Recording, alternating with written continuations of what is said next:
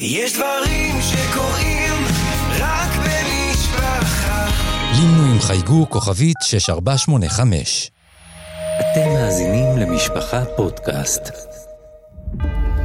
זירת לוחמה ישראל יוסקוביץ' בסדרת אקטואליה יומית עם מפקדים מהשטח ובכירים בדרג הביטחוני והמדיני. הדרג המדיני מחליט הבוקר על הארכת הפסקת האש תמורת הרחבת הפעימות, אך רומז על חזרה לתמרון הקרקעי בימים הקרובים. הנעלם הגדול הוא האם ישראל תמשיך במגעים במקביל לחידוש הלחימה, או שתחדול אותם משיקולים מבצעיים. איתנו בעניין הזה ובנושאים נוספים, האלוף במילואים נועם טיבון, שלום לך. שלום רב. תראה, לפני שאני אבקש ממך באמת ככה להתייחס לנושאים ב... מהזווית האסטרטגית, אני רוצה לשאול אותך, באמת, אה, איך יכול להיות שצה"ל והדרג המדיני, אני שואל מבחינה טקטית, מודיע לנו שצפון רצועת עזה נמצאת כולה בשליטת הצבא, כשהשבוע אנחנו רואים נוכחות משמעותית של חמאס בחלקים הללו ברצועה. עכשיו, לא זאת בלבד, שעדויות החטופים מספרות שחלקם הוחזקו שם, מעל הקרקע, כשלפעמים בזמן תקיפות אוויריות לא הייתה להם שמירה. זה לא מלמד אותנו עד כמה עוד ארוכה הדרך להשגת היעדים? אה, העיר עזה היא עיר של אה, למעלה ממיליון נפש, כלומר היא עיר שיותר גדולה מהעיר תל אביב. אה, העיר עזה היום רובה הרוסה במצב שקשה מאוד, איך אומרים, לזהות אותה. חיילי צה"ל לא הגיעו לכל דירה או לכל בית וגם לא, לא הגיעו לעיר התחתית, לאותן מנהרות. ולכן אה, כשאתה אומר שיש לך שליטה מבצעית, אתה מתכוון ש, שהשטח, אתה כבר יכול לנוע בו יחסית בחופשיות, כמעט ללא התנגדות של אויב. כלומר, הכוחות לא נתקלים שם באויב. צריך לזכור שרוב העיר גם ללא תושבים, זה סוג של עיר רפאים. אה, כמעט תמיד כשאתה כובש שטח, אה, לטהר אותו מאחרון המחבלים, זה דבר שהוא לוקח יחסית הרבה זמן, אבל כשצה"ל אומר שהוא בשליטה מבצעית, הוא אומר שבסך הכל באזור צפון הרצועה, וזה בעיקר בעיר עזה, אה, כוחות צה"ל שולטים וכמעט אה, לא נתקל, נתקלים יותר בהתנגדות. כן, אבל מבחינת המודיעין החסר לגבי הימצאות של חטופים, היכן מצויים?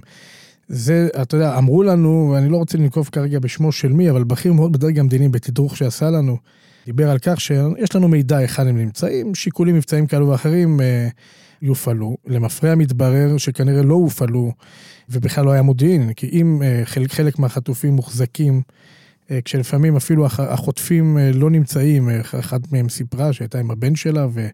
כשהיו התקפות, אז אה, נטשו אותם והלכו, ו... זאת אומרת, ואנחנו לא יודעים להגיע אליהם, אז זה קצת, אתה יודע, מייצר איזושהי תחושה לא נעימה אה, מבחינת היכולות. תראה, אני מאוד סומך על האלוף במילואים ניצן אלון, ועל... אה, שמרכז את נושא החטופים. ניצן אלון שירת תחת פיקודי בסיירת מטכ"ל, ומדובר באיש אמיץ וביותר. אני חושב שיש לנו בעיה קשה מאוד בתחום המודיעין, איפה נמצאים החטופים, אה, ולכן מי שתדרך אתכם פשוט לא אמר לכם אמת. אנחנו ראינו שכבר, שהיה אפשר להביא את אה, אותה אה, חיילת, הביאו אותה. אני חושב שחלק גדול מהחטופים גם כל הזמן מזיזים אותה ממקום למקום. אני אומר עוד פעם, לדאבון ליבי, לא הצלחנו להביא יותר חטופים בפעילות מבצעית, ולכן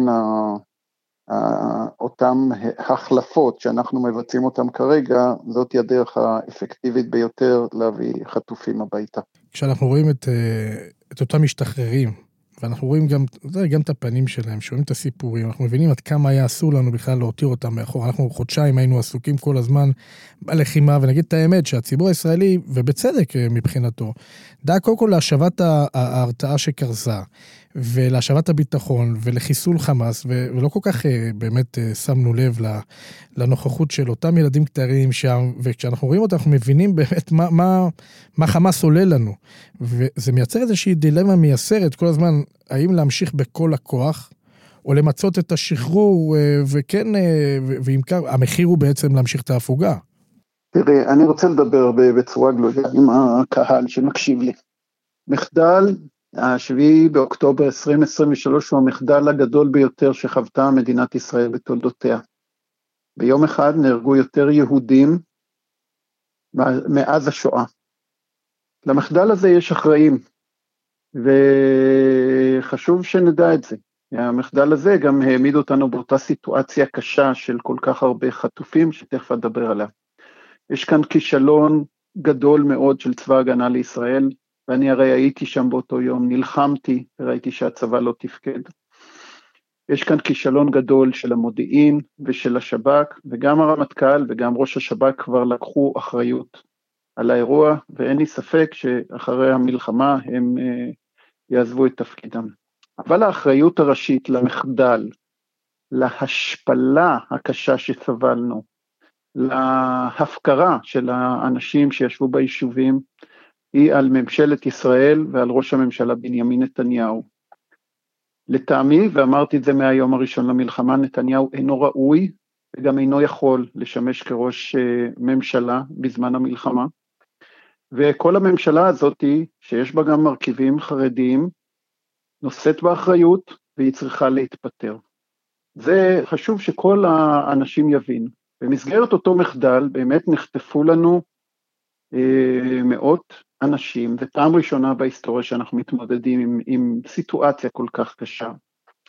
ובאמת, אה, כמו שאמרנו בשאלה הקודמת, במשך אה, יותר מחודש ניסינו, ניסינו מאוד להביא אותם לדרכים צבאיות ולא הצלחנו.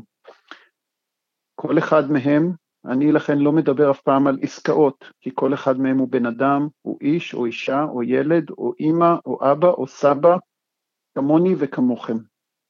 אנחנו צריכים לדאוג שכולם יבואו הביתה, זאתי המחויבות של מדינת ישראל לאזרחיה, להגן עליהם בכל מקום שהם בעולם, בפרט אם הם כאן במדינת ישראל, ולכן אני חושב שנכון למצות את תהליך החזרת השבויים ולהחזיר כמה שיותר מהם הביתה. ללא קשר, אני גם בקשר הדוק עם הצבא, אני ביקרתי השבוע בחזית הדרומית, הצבא שלנו שם דרוך, מוכן, ניצל את ההפוגה לתדריכים, לתחקירים, היו לנו שם אירועים ששווה לתחקר אותם, וברגע שנמצה את סוגיית החזרת השבויים, צריך לה, לה, להשלים את המשימה.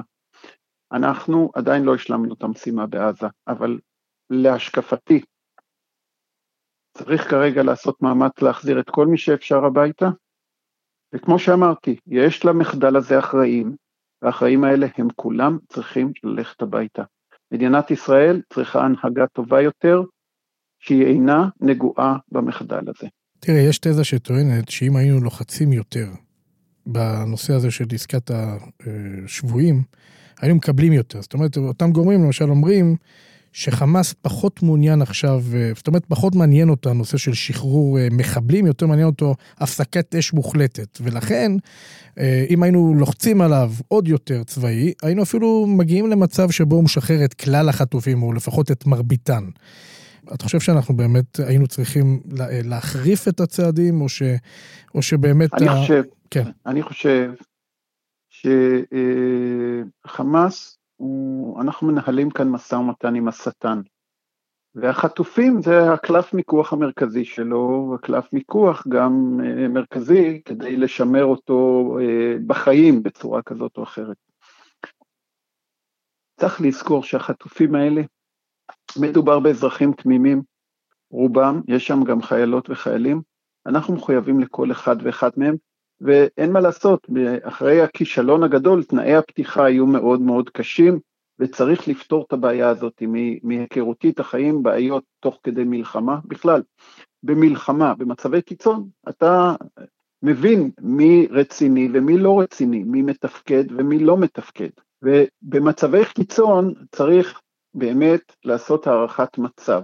אני חושב שצריך להביא את החטופים, ואני חושב שאחרי שיש לנו את המקסימום חטופים, צריך להמשיך במשימה שלנו, להרוג את כל מי שהשתתף בטבח הזה, להגיע למנהיגים בארץ ובחו"ל ולהרוג אותם. אבל כרגע יש חלון הזדמנות. אתה יודע, אתמול דיברו הרבה על אותם אה, ילדים עם שיער ג'ינג'י, משפחת ביבס. כן. שלפחות לפי החמאס הם לא בחיים כבר.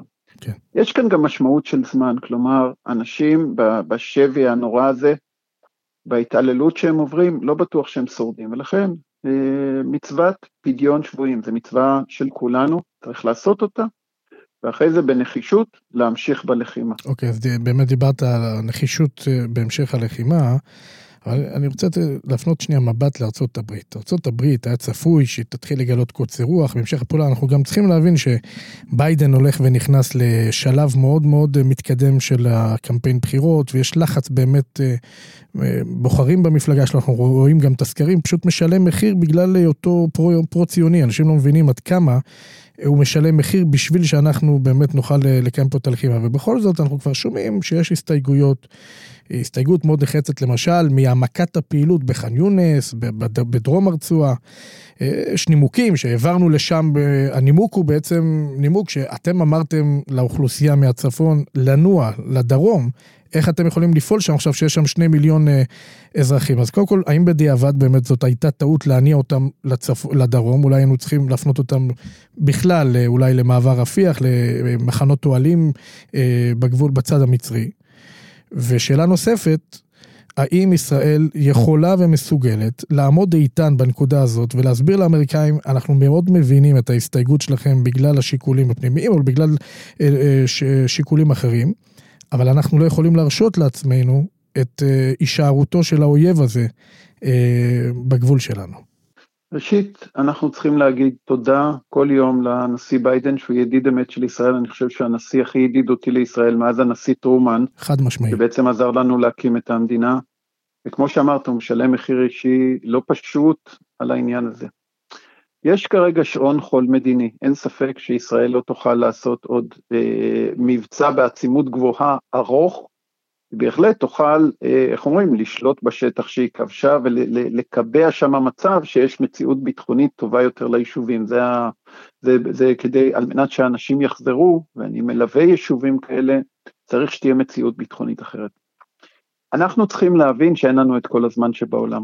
אין לנו את כל הזמן שבעולם, ולכן, תראה, אני למשל בזמנו מאוד כעסתי שנתניהו השהה את התמרון בשבועיים, כי חשבתי שזה עיבוד זמן מאוד מאוד גדול.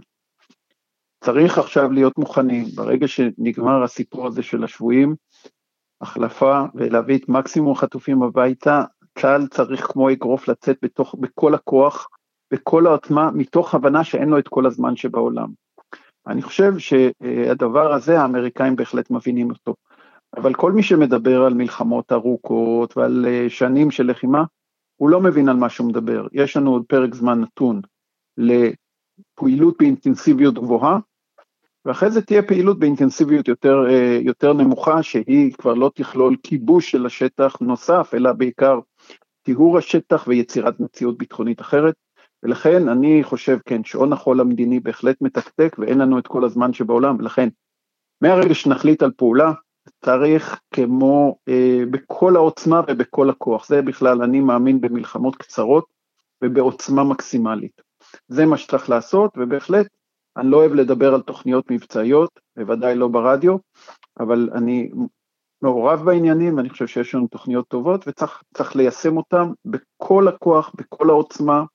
יהיו לזה מחירים, אבל מדינת ישראל חייבת שכל העולם, ובמזרח התיכון בפרט, יראו שאסור להתעסק איתנו.